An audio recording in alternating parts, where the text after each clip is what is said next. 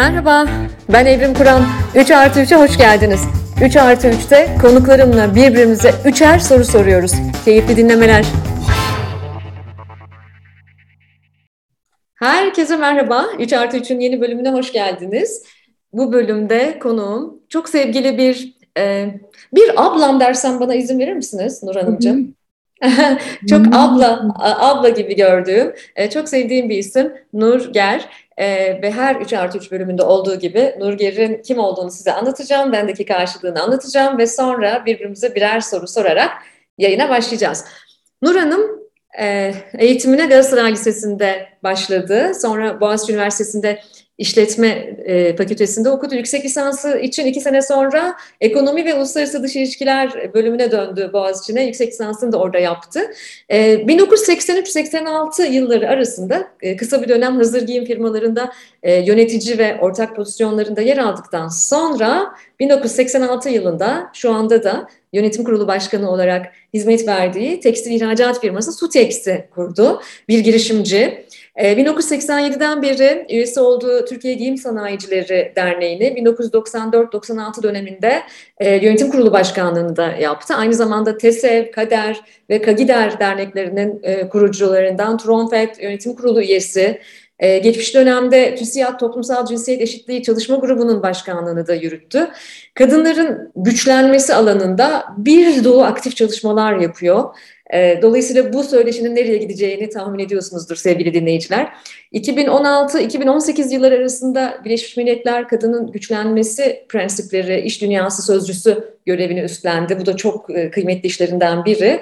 Ve e, şu anda aynı zamanda da toplumsal cinsiyet eşitliği çalışmalarına benim de danışma kurulu üyesi olmaktan çok büyük mutluluk duyduğum Yanındayız Derneği kurucu yönetim kurulu başkanı olarak devam ediyor. Ee, ben e, Nur Hanım'ı zaten e, bir e, toplumsal cinsiyet eşitliği aktivisti olarak zaten hep takip ediyordum, biliyordum çalışmalarını ama şimdi de bir dönemdir, bir süredir beraber çalışma fırsatını da yakaladığım için çok mutluyum. Çok şey öğreniyorum kendisinden ayrıca. Bu alanda derya, deniz deneyimleri olan biri. Hoş geldiniz Nur Hanım. Hoş bulduk, çok teşekkür ederim. Ve ee, davet için çok teşekkür ederim. Bu öğrenme karşılıklı onu e, paylaşmak isterim. Ben de çok, çok teşekkür ederim. Sağ olun, sağ olun. Ve birinci sorum geliyor.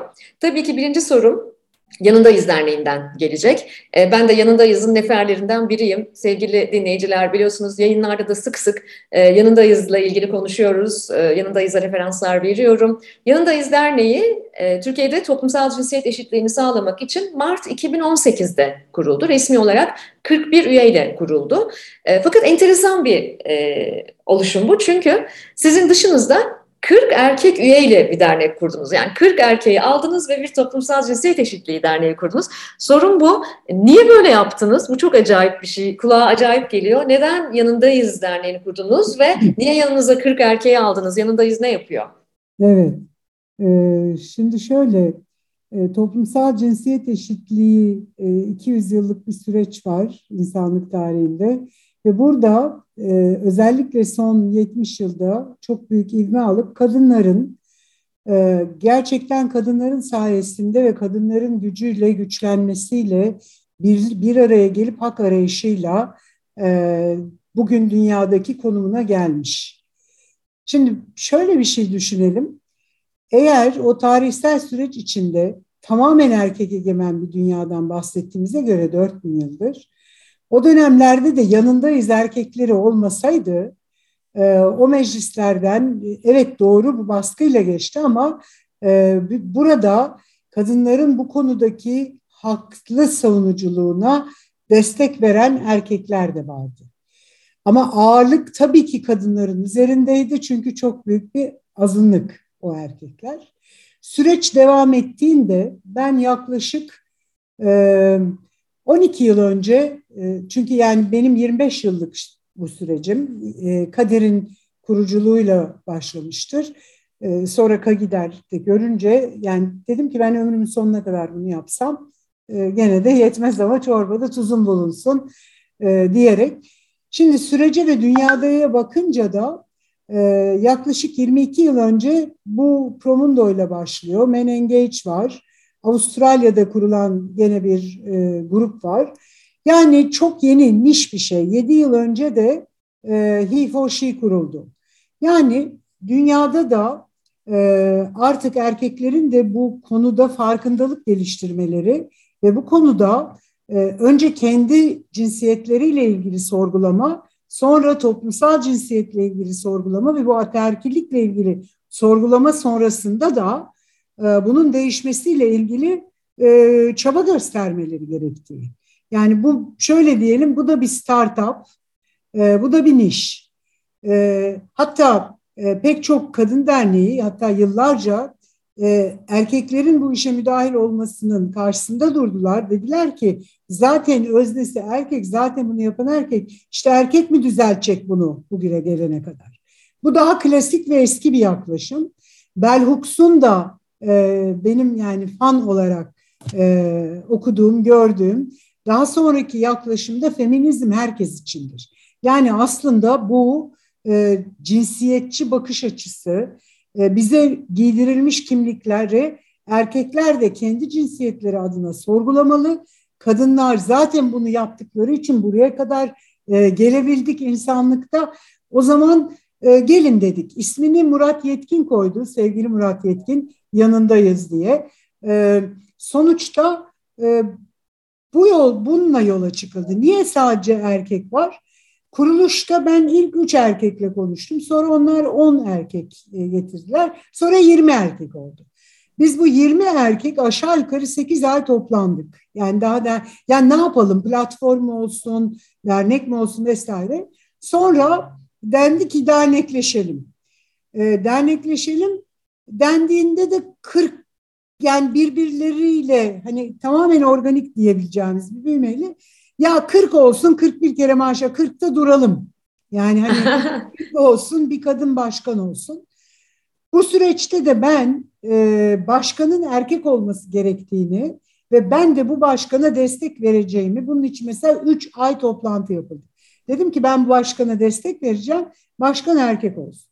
Onlar dediler ki sembolik olarak bak şimdi her yerde kadın yok diye iddia ediliyorsa biz bir kadın başkanınla beraber bunu yapmaktan çok büyük mutluluk duyacağız. Yani başkan kadın olsun. İki, itiraf edelim ki hemen hemen ve tabii ki konuyu çok iyi bilen içimizde var ama yani şu anda bizim de bir hani bir harmanlanmamız lazım. Bu konu bizim için de çok yeni. Yani ye, konu yeni değil de bu savunuya aktif olarak çıkmak ve burada bizim aktif savunu yapmamız için bir nefes alalım. Bir süre geçsin e, ve buradan e, bize devrolur dediler. Biz kadın alıyoruz. Şu anda 104 üyemizde 9 kadın üye. Yani alıyoruz değil. Kadınlar bize üye olabilir. Tabii ki olabilir. Olması lazım zaten. Ama biz erkekler için çalışıyoruz. Yani rol modeli erkeklerin erkeklere köprü olup bakın bu iş yanlış. Bakın burada başka bir duruş olması gerekiyor. Bakın bu insan hakları meselesi. Bizim de artık bunu savunmamız gerekiyor diyen erkekler bize geliyorlar. Desem?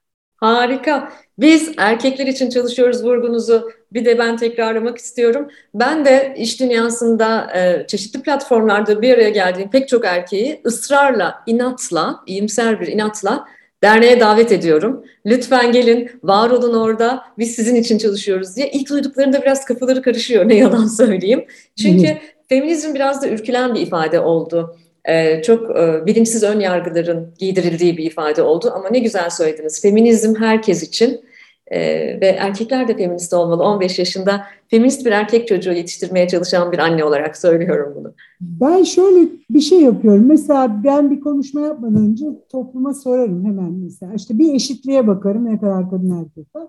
Sonra derim ki içinizde kimse feminist el kaldırsın. Yani kadınlar el kaldırır, erkekler kaldırmaz. Ondan sonra peki derim yani ben size bir tanım yapacağım. Ee, bu tanımı bir görelim. Bakın burada büyük bir eşitsizlik var. Kabul ediyor musunuz? Ediyoruz. Peki siz bu eşitsizliği düzeltmek için ve bu aradaki farkı kapatmak için çalışma meselesi, yani buna çalışmak, ben feministim bunu yapıyorum. Yani kadınların erkekler bir an önce bu eşitsizliğin ortadan kalkmasını ve buraya gelmesine çalışıyorum. Şimdi ben size böyle bir tanım yapsam ben siz feminist misiniz deyince gene bütün eller kalkmasa da kalkıyor. Yani tanımı böyle koymak lazım. Bizim mücadelemiz ataerkilikle, erkeklerle tek başına değil. İktidarı elinde tutan bunu sonuna kadar kullanır. Yani e, gene görüşüm dünyayı kadınlar yönetseydi. Mesela denir ki çiçek böcek çok iyi hiç savaş olmaz. Öyle bir şey yok. Kontrolsüz güç kimin eline verilirse o da aynı gücü aynı şekilde olumlusu olur, olumsuzu olur e, bu şekilde kullanır. Nitekim ben yani kadınların mesela örgütlenmesi çok daha yeni değil mi? Hani iki derneğin kurucusuyum ben. E, evet. Tamam burada seçimler olurken hiçbir şey olmuyor mu? mı geçiyor seçim? Ne gerekiyorsa o oluyor yani. Anlatabiliyor muyum? Kadınlar bu işi öğrenme süreci 40 yıl. Hadi taş çatlasın 50 yıl. E, öbürü 4000 yıldan geliyor. Organize, dış hayatın dışında çok iyi örgütlenmiş her şeyle var. Şimdi kadınların örgütlenmesi bile mümkün olamıyor. Yani ev kadınları evde vesaire neyse bildiğimiz konular. Sonuç olarak feminizm herkes içindir, erkekler için de. Harika, harika bir hatırlatma oldu. Ee, inatla hatırlatmaya devam edeceğiz bunu ve soru sırası şimdi sizde. Ben soruları e, iki tane soru hazırladım. Üçüncüsü belki belki diyerek yaptım. Tamamen konuşmaya şey yaptım. Onları da bir 10 dakika oldu yani. Acaba bunları mı sorarım? Olmazsa da içimden geleni sorarım dedim ama ben mesela e, bu merak ettiğim bir şeyi soracağım. Şimdi bu kuşaklar arası fark var ya. Yani e, sürekli e, kuşaklar arası fark da böyle he, hepsi en yeni gelen kuşağın. Yani anneanneyle toruna bakınca dünyanın sonu gelecek gibi bir durum çıkıyor. Ya bu olgu e, dünyanın hızlanmasıyla değişti de yeni, daha mı hızlı hale geldi? Zaten insanlık tarihinden beri bu kuşaklar arası olgu dediğimiz şey varit. Yani gelişmede buna bağlı olarak mı oluyor acaba? Hangisi? Evet aslında bu konuda şöyle bir e, şöyle bir tartışma ortaya atıldı teknolojinin bu kadar hızlı gelişmeye başlamasıyla birlikte. Şimdi artık teknoloji çok gelişti, dijitalizasyon bütün hayatımızı etkiliyor. O yüzden kuşaklar arası geçişte hızlandı diye. Ben e, 22 yıllık bir kuşak araştırmacısıyım. Yani bu konuya kafasını 22 yıldır takmış biriyim. Bu konuda biraz muhafazakar olabilirim. Çünkü e, dünya var olduğu olalı açıkçası. E, kuşaklar arası geçişler o kadar e, hızlı ilerlemiyor. Teknolojiyi ele alalım bugün. Yani bugün bizim mesela 4G teknolojisi dediğimiz, yapay zeka falan dediğimiz işte yeni nesil unsurlar bir 100 yıl önceki döngüde de kendini buharlı trenin buharı olarak gösteriyordu. Yani bağlama bakmak gerekli. Bir de benim çok sevdiğim Tom Goodwin'in e, dijital darwinizm diye bir kavramı var. Böyle bir kitabı var zaten. Dijital darwinizm şunu söylüyor. Diyor ki aslında insanın mentalitesi, insan ruhu ve insanın kültürü teknoloji kadar hızlı ilerlemiyor. Teknoloji bizim önümüzde gidiyor. O kadar hızlı gidiyor ki o. Biz ona aslında yetişemiyoruz. Çünkü insan kültürel bir hayvan. Hı hı. Kültürel bir memeli hayvan. Dolayısıyla o kadar hızlı gelişmiyor. O yüzden kuşak teorisi e, teknik olarak 15-20 yıllık dönemlerde ancak kültürün oluştuğunu, yerleştiğini anlatıyor bize. Benim de inceleme alanım bu. O yüzden ben kuşakların tüketim alışkanlıklarına bakıyorum. Örneğin ben kuşakların istihdamla ilgili motivasyonlarına bakıyorum. Elbette kuşakların toplumsal cinsiyete bakışlarına bakıyorum ve çok net bir şekilde görüyoruz ki bu kavramların hiçbiri teknoloji kadar hızlı gelişmiyor. Hmm. Teknoloji uçuyor gidiyor ama bizim adapte olabilmemiz, evrimleşebilmemiz kültürel olarak, ruhsal olarak o kadar kolay değil. Ve şeyi de çok net görüyorum Nur Hanım, belki de e, e bir, bir e, dönem araştırmacısı, bir kuşak araştırmacısı olarak toplumsal cinsiyet e, eşitliği konusuna bilhassa önem vermemin belki de en temel sebebi bu. Hatta en yavaş ilerleyen de toplumsal cinsiyete bakış. Bunu sizinle de zaman zaman konuşuyoruz. Hala gençlik araştırmalarında Evet. 50 yıl önce aynı araştırmayı yapsak e, o dönemin genç kadınları ne söyleyecekse hala o tonları görüyoruz biz. Bakın demek ki teknoloji o kadar da e, kuşaklar arası geçişi hızlandırmıyor. Evet, evet. Böyle düşünüyorum. Araştırmalarımız bunu gösteriyor biliyorsunuz. Sizinle de konuşuyoruz. Özellikle araş evet, özellikle araştırmamızın sonuçlarında çıktığı zaman ben bir bakıma üzüldüm. Dedim ki yani hani benim yaşadıklarımı şu anda Z kuşağı da yaşıyor ve çok büyük bir oranla yaşıyor. E, yani bu, bu üzücü bir durum. Kesinlikle ve tam da bu yüzden benim ikinci sorum buradan geliyor. Bence çok güzel bir bağlantı oldu. Araştırma deyip duruyoruz. Biz e, çok kısa bir süre önce sevgili dinleyiciler e, ekip arkadaşlarımla beraber Yanındayız Derneği ile bir araştırma tamamladık. E, bence Türkiye'de bu kapsamda, bu başlıkta, bu kapsamda yapılan bir ilk. Türkiye'nin 81 ilinde 18-35 yaş arası 12.810 gençle gençlikte toplumsal cinsiyet eşitliği algısını araştırdık. Heyecanla bu işe giriştik. Bu kadar katılım olur mu gençlerden diye Hatta düşünüyorduk da ama beklentimizin çok ötesinde katılım oldu. Gençleri de heyecanlandırdı bu. Çünkü e, büyük oranda ilk kez bu kadar e, sorular soruldu onlara. Bazı tanımlarla da ilk kez karşılaştılar. Araştırmayı yaparken amacımız onlardan e, algılarını almak ama onlara da bazı kavramları anlatmaktı. Ben buradan soruyu sormak istiyorum çünkü araştırmamız henüz medyada da konuşulmaya başlandı. Pek yakında detaylarını da paylaşacağız ama sizin en çok ilginizi çeken bulgu ne oldu? E, gençlerin toplumsal cinsiyet eşitliğine yaklaşımıyla ilgili? Ee, yani birinci söylediğim e, bir şeylerin değişmiyor olması meselesiydi. Ama e, bu şiddetle ilgili yani şiddet algısının hemen hemen olmaması yani zihinlerinde tam yerleşik olmaması ve yani bazı şeyleri şiddet diye görmüyor olmaları ve bunun bilincinde olmamaları. E, bu çok e, sarstı e, gerçekten.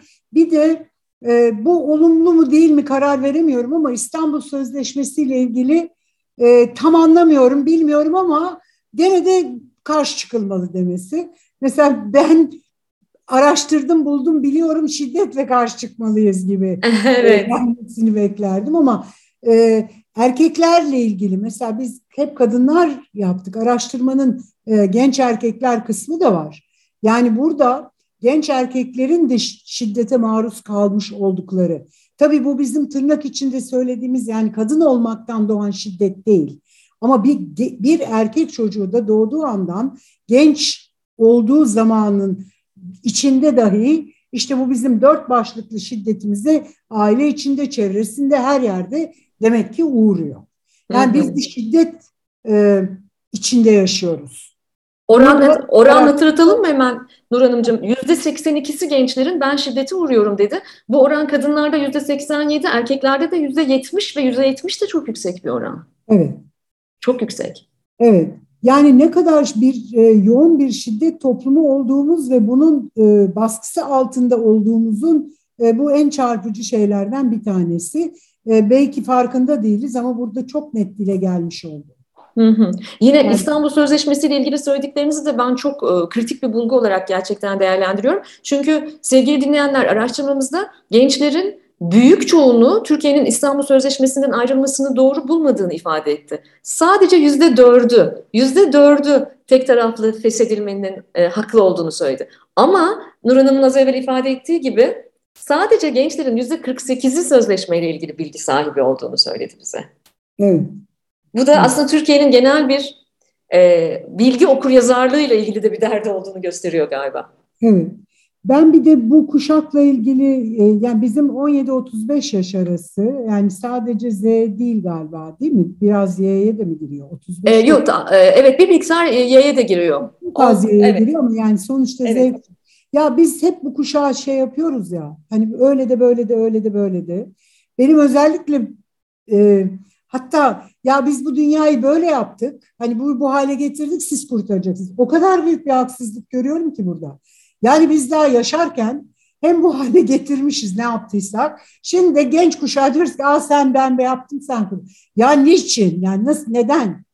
Ayrıca da ben ne yaptıysam hala bunu düzeltmekle mükellefim. Yani hangi kuşaklardaysam geri dönüp o gençleri anlayıp ki bakınız ne kadar yüksek bir şiddet algısı var.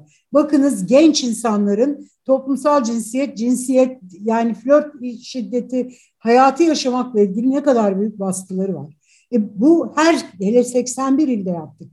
Yani üniversite öğrencileri. E bütün bunları gördüğümüz zaman Allah aşkına Z kuşağına şunu bunu yapın demekten önce Ya biz bu kuşağın önünü açmak için ne yapabiliriz dememiz lazım. Ya onları daha iyi anlayıp onlarla daha iyi özdeşleşelim ki bir şekilde onların önünü açmaya çalışalım. Benim e, şeyim e, araştırmadan e, kendimize aldım ki hani dernek olarak da yapacağımız projelerde biz genç kuşağı seçtiğimiz için zaten hani e, defalarca teşekkür ediyorum. Tekrar tekrar teşekkür ediyorum. Bu işbirliği çünkü derneğe hediye edildi bu araştırma e, sizin ekip tarafından ve biz bu sayede çok şey söyleyebilecek ve o kuşak da rahatlatabilecek. Bakın sizi anlıyoruz. Anladık yani bakın gördünüz mü diyebileceğimiz bir e, şey açıldı. Yol açıldı önümüze diye düşünüyorum.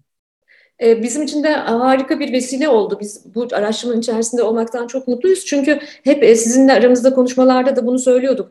Ee, katman katman yeni perspektifler açacak bu araştırma. Biz de demek ki şu konuyu da daha çok konuşmalıyız, bunu öğretmeliyiz, bunu anlatmalıyız gibi içgörüler sahibi olduk. Söylediğiniz şeyi çok önemsiyorum.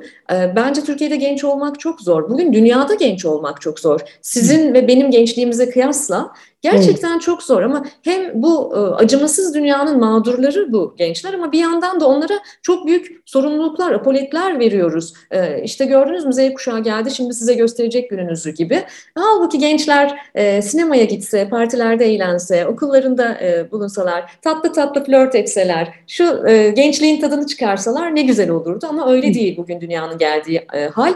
Biz de tabii ki sivil toplum olarak sadece iş dünyası olarak değil, sivil toplum olarak ödevimizi yapmak zorundayız. Tıpkı Kızılderililer gibi Kızılderililer yaşadıkları dünyayı yedi kuşak sonrasına hazırlarlar. İşte o Kızılderili e, perspektifiyle inşallah e, yaşayacağımız e, daha uzun yıllarımız olur. Evet, şimdi soru sırası tekrar sizde. Öyle mi? Evet. Peki bir tane kişisel soru e, sorayım dedim. Önce kendimden, yani kendi, soruyu sorayım kendimden de bir örnek vereyim. Yani kendine baktığın zaman... E, Birinci derecede benim geliştirme alanım şu olmalı dediğin e, şey e, nedir mesela? E, burada ne yapıyorsun? Hangi yöntemleri deniyorsun? Bunu biraz da öğrenmek adına soruyorum. Bu benim bu alanda şunları yapıyorum bunu geliştirmek için değil. Yani burada da burada şey yapıyor musun? Yani kendinle ya aa bak 10 ee, ben hep sıfırla başlarım böyle bir şeyde. Ya 3 oldu, 4 oldu gibi kendi kendine bir şey veriyor musun assessment sonucunda. Yani benim burada hayır demekle ilgili e, bir sorunum e, yani kendimi bildim bileli var. E, ben burada yani çalışıyor musunuz? kadar çalışıyor musunuz üzerinde? Biraz hayır diyebilme konusunda geliştirebildim şu ana kadar. Gelişiyor yani. Hala benim için hayır demek çok zordur. Harika. Yani geliştiğini görüyoruz. İnsan çalışırsa gelişiyor. Gelişim alanlarımızı görmek önemli. Benim bir dolu var ama ilk aklıma geleni söyleyeceğim. Son zamanlarda beni en çok e, yoran belki de bu. E, öz şefkatle ilgili yani kendime şefkat duymakla ilgili çok büyük bir gelişim alanım var. Ama yine dönüyoruz kadınlık ve erkeklik halleri bunu besliyor öyle değil mi? Yine hmm. benim feminist olmamdaki büyük etkilerden biri e, öz şefkat besleyemiyor olmamın kökeninde de e, bu kadınlık erkeklik hallerinin olduğunu fark etmem. Evet e, ben mesela çok şefkatli bir kadınım. Ağaca, kuşa, e, çiçeğe, böceğe, insanlara, tanıdıklarıma, tanımadıklarıma, tabii ki e, çok yoğun çalıştığım gençlere, çocuklara e, çok şefkatliyim. Ve bunu bana çok söylerler. Sen çok güzel seviyorsun derler. Hmm. İnsanı çok güzel seviyorsun. Ama e, dönüp kendimizle olan ilişkimize baktığımız zaman ki insan hep kendinden yola çıkarak yürür ya hayatta. E, şunu gördüm ki artık 46 yaşıma doğru ilerliyorum. Şunu gördüm ki en az şefkat gösterdiğim kişi kendimim. Kendimi çok e, çok dövüyorum, çok yargılıyorum. kendimi takdir etmek, kendimi ödüllendirmek, bunu hak ettim ben ve şimdi tadını çıkaracağım deme gibi e, eğilimlerim çok zayıf. Bunun için çalışıyorum, gerçekten çalışıyorum. E, neler yapmadım ki? Efendim ağaç boyama kurslarına mı gitmedim? Kendime vakit ayırayım diye. Beceremedim. İşte efendim böyle eğitimler ama Hindistanlarda aşramlara mı kapanmadım? Neler neler yaptım ama çok uzaklaşmaya gerek olmadığını fark ettim öz şefkatle ilgili çalışırken. insanın e, kendini anlaması, kendini bilmesi gibi bir irfan olmuyor gerçekten. Kişi kendini bil. Dolayısıyla kendimle biraz daha iç konuşmalarımı derinleştirmeye çalışıyorum bunu yaparken. Ee, ve kendimi omzumdan öpmeye, kendi saçımı okşamaya çalışıyorum açıkçası. Ee, çünkü hele de hele de benim yaptığım işlerde bu daha da kıymetli. Çünkü psikolojik sermayenin dört tane unsuru var. Bunlardan bir tanesi umut, bir tanesi öz yeterlilik, bir tanesi yılmazlık, resilience, bir tanesi de iyimserlik. Şimdi ben çok ilginç bir şey keşfettim Nur Hanım kendimde. Mesela ben acayip ümit var bir kadınım. Yani gelecekle ilgili çok umutluyum ben. Öz yeterliliğimle ilgili çok çalışkan bir kadın olduğum için hiçbir sorunum yok. E, yılmazlıkta süperim zaten. Yedi kere düşer, sekiz kere kalkarım. Ama o iyimserlik var ya, iyimserlikte on üzerinden dört, beş falan veririm ben de kendime. Neden? Çünkü öz şefkat problemim var orada. Çünkü hı hı. bugünle ilgili iyimser bir tavırda olmak için insanın önce e, kendini bir omzundan öpmesi lazım. Bunları gördüm. Dolayısıyla ben e, şu anda bizi dinleyen pek çok kadın dostumuzun dönüp kendine ben kendime ne kadar şefkatliyim acaba e, dediğini duyar gibi oluyorum. Bu yüzden de e, ufacık bir teaser yapalım. Bir sonraki araştırmamız, bir sonraki geniş kapsamlı çalışmamız zaten imposter fenomeni üzerine olacak. İnşallah onu yazacağım yeni kitapta da. O zaman ben e, şunu da söyleyeyim. Mesela burada da bir paralellik buluyorum ben. Ama tabii Temin abla dediğim için benim bir zaman avantajım var. Ben daha önce başlayarak bir miktar daha e, hani 4'ü 6, 7'ye 8'e belki çıkarabildim. E, bunun tamamen bir öğreti olduğunu düşünüyorum. Yani kadın olduğum zaman sonsuz verici olmaklığın gerekir alt kodları bir şekilde yani hani sosyal DNA diye bir şey varsa orada var. Yoksa öğretide var ve sonuç olarak önce ben değil de önce dünya sonra ben gibi bir yetiştirilme e, şeyi var. E, en azından olmayanları ailelerini, kendilerini yeni nesillerde varsa e, çok çok şanslılar, çok iyi. Ama bu konuyla ben de epey bir e, uğraştım. İlerliyor insan değil mi uğraşınca? Tabii, evet. Tabii. Hatta yani benim egzersizlerim vardı yani dur şimdi hayır yapmayacaksın sus bir dakika. Farkına var. Hayır, hayır. Niye bu kadar kendini dövüyorsun? Hayır bir tane hata yaptıysa yaptın, üç tane yaptın. Ne olacak? Dünyanın sonu böyle. Evet çok e, çok önemli bir konu. Çok önemli bir konu ve çok derin araştırma isteyen bir konu. Biz epey bir zamandır ekip çek literatür çalışıyoruz. E, bu bir fenomen, bu bir sendrom. Kadınların ekseriyetle, e, bu arada sevgili dostlar, imposter yani hep daha çok çalışmak zorunda hissetmek. Aslında ben şans eseri buraya geldim. Ha, gerçekten hak etmem için daha çok çalışmam lazım sendromu %70 oranında kadınlarda görülüyor. Tam tersi olan Dunning-Kruger sendromu yani kifayetsiz muhterislik sendromu yani aslında yeterince yetkinliği yokken ben daha fazlasını hak ediyorum sendromu da ne yazık ki daha fazla erkeklerde görülüyor. Bunun da tabii ki arkasında pek çok toplumsal kod var ama ne şanslıyız ki hayata minnettarım ki bugün bunları binlerce, on binlerce, yüz binlerce kadınla konuşabilme fırsatımız var, örgütlenebilme fırsatımız var ki ben Türkiye'de en kuvvetli örgütlenmenin kadın örgütlenmesi olduğunu düşünüyorum ne yalan söyleyeyim. Katılıyorum. Yürekten katılıyorum. Evet. Ben de öyle. Şimdi e, soru sırası bende. E, evet, üçüncü soru sırası bende. Biraz daha m, sert bir yerden girmek durumundayım. Çünkü biz bunları da gündemde tutacağız. Şiddet. Kadına şiddet. Şimdi e, anıt sayacı çok kontrol ediyorum Nur Hanımcığım. Ve e, sizinle konuşurken az evvel yani birkaç dakika önce yeniden sayfayı güncelledim. Çünkü tık tık atıyor. Anıt Sayaç sevgili dostlar sizler de bakınız lütfen sıklıkla dile getiriyorum. Anıtsayaç.com şiddetten ölen kadınlar için bir dijital anıt.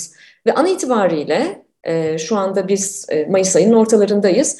139 yani e, en azından resmi olarak kayıtlara giren an itibariyle 139 kadın 2022'nin e, yarısına daha gelmeden e, anıt sayaçta yer alıyor. 2021'i 422 kadın cinayetiyle şiddetten e, ölen e, kadın sayısıyla kapattık. E, Gün geçmiyor ki balkondan düşen kadınlarla ilgili. Balkondan bakarken bir anda düşüveriyor kadınlar. Bunlarla ilgili gün geçmiyor ki haberler almayalım. Ee, çok ilgilendiğim bir konu. Kadına yönelik şiddetin önlenmesi Türkiye'de. Ee, bunun da e, şiddetin, cins kırımın, cinayete giden bu hallerin de ilk nefret söylemiyle başladığını düşünüyorum. Yani dile pelesenk olan o ilk nefret söylemiyle ve bütün kadınların ya da buna kendini hazır hisseden kadınların şiddet gördüklerinde konuşamamış olsalar bile bir gün seslerini yükseltmeleri gerektiğini düşünüyorum. Ve bu yayın vasıtasıyla da ben hayatımda e, şiddetin her türlüsüne maruz kaldığımı itiraf etmek istiyorum. Çünkü bana güçlü kadın etiketi çok yapıştırılır. Çok güçlü kadın tuttuğunu koparır falan. Ama hayır ben de e, fiziksel şiddet de dahil olmak üzere şiddetin her türlüsüne maruz kaldım. E, dolayısıyla daha empatik olabilmemiz biz kadınların daha mümkün oluyor. Ne yapacağız? Bunun sosyoekonomik sınıfı falan da yok. Her sosyal statüde şiddet aldı başını gidiyor ve ciddi şekilde yaşanıyor. Ne diyorsunuz? Kadına yönelik şiddetin önlenmesi için neler yapmamız lazım? Ee, hmm. Buyurunuz evet. efendim. Ee, şey en güzel şey sorusu e, hani ne denir? On, şimdi biraz önce e, nasıl baskı altında kalan bir toplum olduğumuzu konuştuk. E, şiddet e, kendini ifade etmenin acziyle ortaya çıkar. Yani e, kendini düzgün bir şekilde ifade edemiyorsan, e, yetersiz kalırsan e, bunu şiddete başvurursun.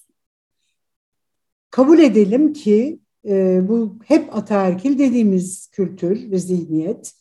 Ben bununla ilgili bir seminer veriyorum. Ayrıca yani bunu her alanda sürekli ne kadar çok kişiye ulaşabilirsek o kadar iyi. Şöyle bir durum var. İnsanlık anaerkildi. Ataerkilliğe geçti. Ve ataerkilliğe geçtiği noktadan itibaren de e, bunu bütün kültürel kodlar ve dünyanın her yeri aynı şekilde oldu. Yani Çin'de de öyle oldu. Ee, Rusya'da, bizde, bu coğrafyada milattan önce eski Yunan falan. Kadın ikinci sınıf bir insan e, olarak algılandı e, ve buradan da e, kendisinin yetersizliği üzerinden değil, e, yani bunun uygulamasında yüzde yüz kadın kabahatli. Yani onun eline bir şey verilmiş, yani öyle bir kültür e, verilmiş ki kendisiyle ilgili bunu ben suçlama adına ya ben bunu anladığım şeklini anlatıyorum. E, tamamlamanı da rica ederim. Paralellik vesaire. Erkek her şeyi kendine hak görüyor. Yani burada işte o bütün sınıf ya yani ekonomik olarak zaten elinde, insan olarak elinde, her şekliyle elinde. Burada insafına kalmış bir durum var. Yani daha iyi, daha kötü vesaire. Sonuç olarak e kadın da zaten hem ekonomik olarak güçsüz hem zaten öğretilmemiş hem zaten diyor ki biat et. E, başey ses çıkarma ona göre benim böyle çok komik okumalarım var tarihten şeyde falan. Yani diyor ki sen buna uy. Yani şimdi bu, bu zemin içinde bu kontekste konuşuyoruz. Bu alış verilmiş ataerkil kültür. Öbür tarafta da şu var. Erkek demek bir kadına hakim olmak ve onun üzerinde koşulsuz olarak onun üzerinden var olmak demek. Bu ataerkil kültürde bunu bu, bu şekilde tanımlıyor. Hatta mesela bütün tek dinlerde ve Konfüçyüs'te falan kadın itaat etmiyorsa babası ya da kocası vesaire öbür cennete, cennete gidemiyor. Yani o kadar erkeğe verilmiş ki kadının şeyi itaatsizliği de onun yüzünden. Niye öldürüyorlar kadını? Niye şey yapıyorlar? Kendisini yok olmuş varsayıyor. Eğer bir kadına hakim olamadıysa, bir kadına üstünlük sağlayamadıysa, ekonomik ya kadın sesini çıkardı, baş kaldırdı. O onun varlığına karşı duruş hani el, şey ne denir? El sesi vurulan, şey kellesi alınan. Bu. Öğrendiği ve bildiği bu. Bunun için e, de e, doğal olarak kendisini koruyor yani yasalar koru, ya istediğiniz kadar yasaları koyun. Atatürk'ten başlayın. Ee, sonra gelin 90'da gelin yani 90'lı süreçlerin sonunda İstanbul Sözleşmesi'ne gelin 6280 nereye gelirseniz gelin. Fark etmiyor ki. Yani o zihniyet şu anda ülkemizde ataerkil erkek egemen bir zihniyet var ve bu zihniyet bunun kırılmasıyla ilgili sen kuşaklar arasında mesela 7 yıl sonra 7 nesil diyorsun. Bunun kırılmasıyla ilgili ne yapalıma geleceğim. Bu doğal olarak kendini koruyarak devam ediyor. Yani işte hakim ceza vermiyor çünkü o da onun da o da karısını dövüyordur. Yani ben şeyi izah etmiyorum. Ya bu ülkede Aile ve Sosyal Politikalar Bakanı bir kere tecavüzden bir şey olmaz dedi ya kadın. Böyle bir şey var mı? Sonra yanlış anlaşıldım vesaire dedi. Yani bu kültür sadece bu coğrafya değil bir de ben sadece ülkemiz ülkemiz ülkemiz demek istemiyorum. Yani Çin 30 yıl öncesine 40 yıl öncesine kadar aynı işte Mao devrimi vesaire ile değişiyor. Ee, Japonya'nın hali berbat. Kadınlar yani hiç e, şey değiller. Sonuçta bu ataerkil kültürün kırılması bir yere kadar geliyor. Bir yerden sonra hele erkek ekonomik olarak şeyse, aciz kalmışsa, hele e, zayıfsa, hele şuysa buysa ona baş kaldıran kadınla onu öldürmesi lazım. Yoksa kendisini intihar etmesi lazım psikolojik olarak. Ya ben o kadına hakim olamadım, eksiğim diyemiyor ki. Yani öyle bir kültür ve öyle bir zihniyetle şey yapmamış ki. Yani hiç yok, sıfır. Bu bana baş kaldırıyorsa bu kötü yani kötü. Öldürmem lazım. Ama babası, ama abisi, ama kocası. Hele hasbel kadar ayrılmış bakın hapse giriyor çıkıyor. Kadın evlenmiş başka biriyle gidiyor gene öldürüyor. Yani o aidiyet o kadar ona aitken bir kere bir kadın birisiyle beraberse bitti. Farklı seviyeleri var. Yani tabii ki bunu ekonomik üst gelir grubu daha ekonomik şiddet, psikolojik şiddet olarak uygular. Belki fiziksel şiddete döner dönmez. Ama ben ilk yönetim kurulumuzda demiştim ki şiddete uğramayan kadın yoktur. Bu yüzde yüzdür. Hiçbiri inanmadı. Bir hafta sonra yani bir sonraki ay geldiler dediler ki ben senin dediğini sorduk. Ee, bizim bütün eşlerimiz dedi ki e, doğru söylüyor Nur Hanım. Çünkü biz babamıza söylesek olmazdı. Size söylesek olmazdı. Hepimiz mutlaka taciz gördük, şiddet gördük. Belirli bir şeklini gördük, bir şeyini gördük. Yani buna ben de dahilim itiraf etmek gerekiyorsa ben de dahilim şiddet görüldüyse her şekliyle ben çocukluğumda işte farklı safhalarda ha ne var hani e, eğer şey bir kadınsan yani buna karşı çıkan bir kadınsan zaten şeyi daha fazla ne denir ortalığı daha fazla. Mesela benim annem derdi ki bana bu çeneyle seni kimse almaz. Yani bu şeyle senin imkansız kimse almaz. Sen ne biçim e, kızsın yani? Nereden böyle bir şey? Tamam gelelim çözüm. Şimdi burada e, konuştuk. E, bana göre analizi çok gerçekçi bir şekilde duruyor. Korunduğu için devam ediyor. Aynı kültürün devamı diye. Mesela bir İçişleri Bakanı diyor ki geçen sene yani mevcut İçişleri Bakanımız diyor ki geçen sene tamamen rakamları şey yapayım 430'du şimdi 330 oldu iyileşiyoruz diyor. Ya bir İçişleri Bakanı'nın demesi lazım ki ben bir tek kadının dahi öldürülmesine izin veremem. Bu bir insan hakkı. İnsanın öldürülmesine izin veremem. Bırak kadını hiç kimsenin öldürülmesine izin veremem. En ağır ceza olması gerekir. Bunun insan hakkıdır bu. Şimdi bu zihniyette böyle durulduğu yerde e, sonuçta çok daha büyük bir mücadele etmenin e, gerekliliği var. Yani organize, örgütlü, hiç yılmadan her şekliyle koyarak hani e, daha da arttırarak bakın yasalar orada duruyor bunu kullanmak zorundasınız, bunu yapmak zorundasınız demek durumu var. Bu arada şiddetin bu boyuta gelmesiyle erkeklerin de hassasiyeti başka bir yere görünür. Ben bir de şunu görünür olması yani çağdaş teknoloji içinde bulunduğumuz durum kadının şehre gelmesiyle hayır kardeşim deyip karakola 32 kere gitmesi. Yani köyde olsa ne olacak yani? Nereye gidecek? Baba evine gitse dayak yiyip dönecek. Bütün bunlar daha fazla e, etkileşim yarattı e, ve bugün üzülerek söyleyeceğim bir şeydir bu ki bu kadar yüksek yani 10 yılda 14 katına çıkan kadına yönelik şiddet fiili tespit edilen rakamlarla kadınların hak arayışının e, ne kadar gerçekçi ve doğru olduğunu ortaya koymuş oldu. Ben hep diyorum ki bakın şiddet piramidin en üstü. Ya altta zaten kıyamet dönüyor, olmuyor, öldürüyor. Yani bunu temelden e, düzeltmekle ilgili yapılması lazım. E, yasalar var, uygulanmıyor. Şimdi kamu tarafını ve devlet tarafını bir şey yapamıyorsunuz. Yani yapamıyorsunuz de, demek benim kimliğime de uymuyor ama yani burada hiç dinmeden yani kadın hareketi bunu takip ediyor.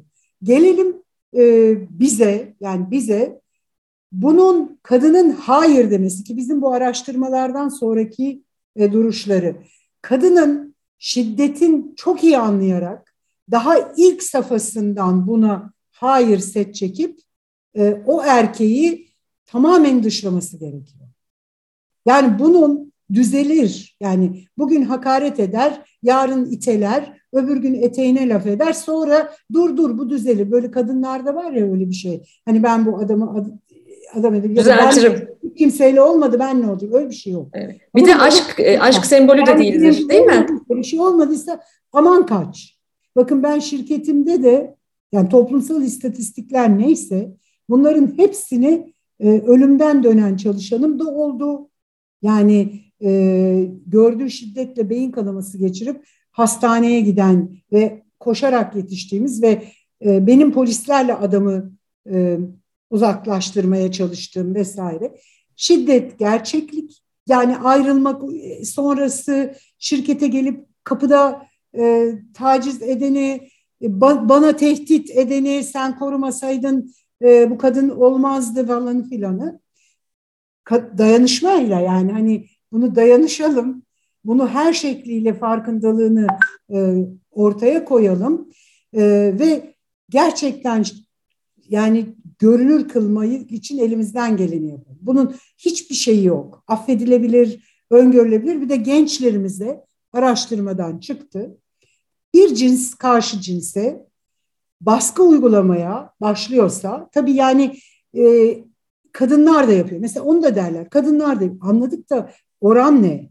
Yani çünkü buradaki oran evet yapıyorsa kadın erkek katsın o zaman. yani öyle bir kadınla birlikte olmaya bakmasın. Kadın fiziki olarak dövemez ama e, psikolojik şiddetle e, mahveder yani dövemediği yerde. Kötü yani eğer kendi yetersizliğini idrak edemiyorsa, bunu öbür cinse yükleyecekse veya karşısındakine yükleyecekse zaten erkek de olsa kadın da olsa öbürüne gidecek. Dövmez kadın başka türlü şiddet uygular. Nitekim çıkıyor araştırmada. Ee, ama ağırlıklı kadınlar bunun muhatabı oldukları için hiçbir şekilde hakim olma duygusu ve bir kadını bir çember içine alarak oraya kısıtlama hali aşk değildir. Yani kadınların e, buna çok hemen farkına varıp bu bir aşk değildir, bu bir e, yanlış öğreti ve biraz da hastalıklı bir durumdur. Derecesi ancak ilerlediği zaman ortaya çıkar. Yani sen ilişki ilerletirsen ve bu durumda durursan ve buna cevaz verirsen tamam işte bilmiyorum artık erkeğin e, kimlik ve geldiği yer bozukluğu, kişilik bozukluğu itibariyle her seviyeye kadar gider. En sonuncusu ölüm oluyor. Şahane, şahane anlattınız. Ee, evet, tıpkı e, geçtiğimiz bölümde sevgili dinleyenler ee, sevgili Zehra Çelenk'le Oscar törenlerinin e, değerlendirmesini yapmıştık. Dünyanın her yerinde bu var. Will Smith de ödül töreninde e, ödülünü alırken dedi ki e, sevmek insana çılgınca şeyler yaptırır. Hayır efendim sevmek insana öyle adı, tırnak içinde şiddet başlığında çılgınca şeyler yaptırmaz. Bunun aşkla hiç bilgisi yok ve biz araştırmamızda gerçekten gençlerin bugün hala bu kadar yüksek teknolojik bir ortamda büyüyen gençlerin aslında flört şiddetinin pek de farkında olmadığını çok net bir şekilde gördük. Hı hı. Will Smith örneği yani ben dedim ki bak biz anlatamıyoruz yani biz bunu anlatamıyoruz. Çoğu zaman anlatmaya çalışıyoruz. Bak bak yani bak bu bu yani kendinde her şeyi haddini görüyor. Her şeyi yapma şeyini görüyor ve de yani o kadın yani mesela yani belli kadının yani ben olsam mesela çıkıp giderim. Zaten o da benle birlikte olmaz. Anlatabiliyor muyum? yani çünkü orada duran kadında da büyük sorun var. Evet. Haklı varsa ona kötü bir şey çıkış söyleyecekse çık söyle. Sen söyle. Yani veya söylediği zaman yani çok çok iyi bir örnekti. Bütün dünyaya evet. şiddet meselesinin ne olduğunu anlatmakla ilgili çok da iyi bir örnek oldu. Ee, evet maalesef. Evet, çok e, bence çok e, çok güzel, çok basit anlattınız. Çünkü bazen çok komplike hale geliyor bu konu. Aslında çok basit bir konu. E, sevmenin ne olduğuna, ne olmadığına dair ve özellikle erken yaşta tabii e, bu eğitimin, e, bu e, ailede ve toplumda erken yaşta bu bilincin kazandırılması da tabii ki çok önemli. Sanırım biz dernek olarak e, ilerleyen dönemlerde bunlarla da ilgili size güzel haberler verebileceğiz diye düşünüyorum. Böyle bir teaser yapalım. Peki e, son soru sizde. Gene ben de bu hazırlık falan yapmadım ben son soruyla ilgili. Olarak. Daha güzel oluyor öyle. Ee, yani bir tanesini de açık bırakayım dedim. Ee, gerçi çok umutlu olduğunu da e, söyledin. Yani gelecekle yönelik olarak çok da umutluyum dedin. Ee, bunun düzelmesi, yani bu dünyanın bütün bunların değişmesiyle ilgili olarak. Hani ben burada e, ya bunu hızlandırmak için bize düşen görev ne? Yani biz ne yapmalıyız yani? Bizler ne yapmalıyız? Yani sadece kadın yani insan olarak ne yapmak lazım? Ya yani bu ataerkillik 4000 yılda kırılma noktasını hani yakalamak için bu ivmeyi nasıl denir? Hani baltayı bin kere vurursun da bin birinci de kırılacaksa evet. Ya ben hangi noktaya bin kere vurayım bunun kırılması? Aslında ne kadar güzel bir örnek verdiniz. All Rees'in e, çok sevdiğim bir lafıdır o. E, bir taş ustası taşa e, bir vurur kırılmaz, iki vurur, üç, dört, dokuz, bin, beş bin, on bininci vuruşta taş ikiye ayrılır. Ve soru şudur, taşı ikiye ayıran kaçıncı vuruş? Tabii ki tamamı. O yüzden ben konuşmaya, tartışmaya, söylemeye devam etmemiz gerektiğini düşünüyorum. MEF Üniversitesi'nde çeşitlilik ve kapsayıcılık dersi veriyorum ve toplumsal cinsiyet bizim çok önemli bir çalışma başlığımız. Ve her hafta derste öğrencilerime, her hafta kadın öğrencilerime, erkek öğrencilerime her hafta söylediğim şey şu. Speak out loud. Lütfen yüksek sesle söyleyin. Lütfen bana, hocanız olarak bana, birbirinize, Yüksek sesle söyleyin, yüksek sesle itiraz edin. Ben kişisel olarak bunu yapmaya çok gayret ediyorum. Ee, her seferinde mansplaining'e yani erkeklemeye uğradığımda itiraz ediyorum, bunu ifade ediyorum. Ee, her seferinde e, toplumsal cinsiyet eşitsizliği yangınına odun atan bir örnek gördüğümde bu örneği dillendirmeye, bu örnekle ilgili yazmaya, çizmeye, konuşmaya devam ediyorum. Birisi gitar çalıp şarkı söyleyebilir, bir diğeri yazı yazabilir, bir diğeri e, günde komşularını anlatabilir böyle böyle bir şey olmuş siz ne düşünüyorsunuz diye. Bir diğeri şirketinde toplantılarda bunu gündeme getirebilir. Bir diğeri Cubicle'da yanındaki çalışma arkadaşına bundan bahsedebilir. Bir diğeri aşık olduğunu zannettiği sevgilisine aslında ona aşık olmadığını anlayıp o ilişkisine son verebilir. Ama bizim kişisel olarak kesinlikle ödevlerimiz var. Tabii ki toplumda fikir liderleri var ama o fikir liderlerinin de her alanda, sanatta, bilimde, o fikir liderlerinin de toplumsal cinsiyet eşitsizliği yangınını körükleyen bir dile sahip oldukları zaman bizim onları da uyarmamız gerekiyor diye düşünüyorum. Ben toplumsal cinsiyet eşitsizliği ile ilgili vakaları olan bir sanatçıyla arama mesafe koyuyorum mesela. Tabii ki. Çünkü ben tüketiciyim.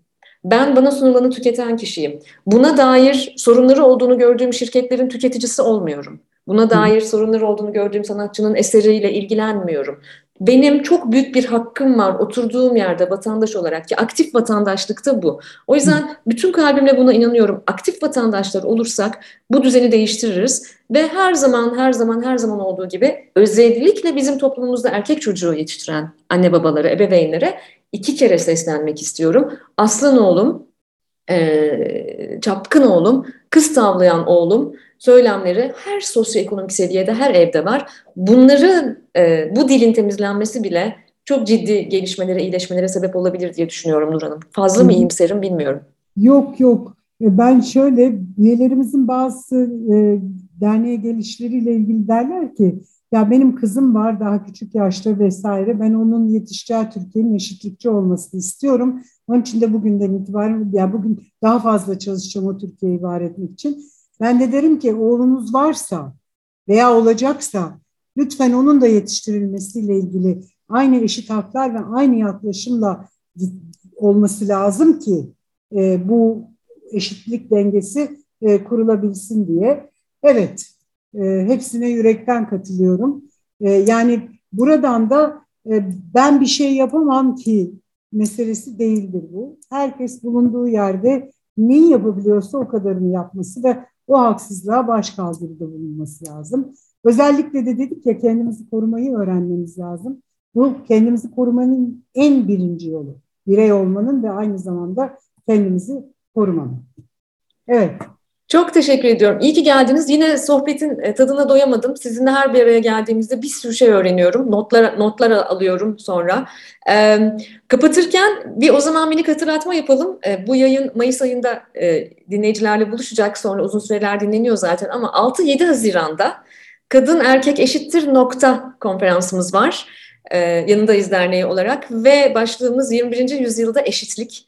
Ee, bu konferansta hepinizi bekliyoruz. Çok enteresan katmanlardan ele alacağız ve hep son sözümüz şu, ilk sözümüz de bu. Kadın erkek eşittir, nokta. Çok teşekkürler. Görüşmek üzere. Görüşmek dileğiyle.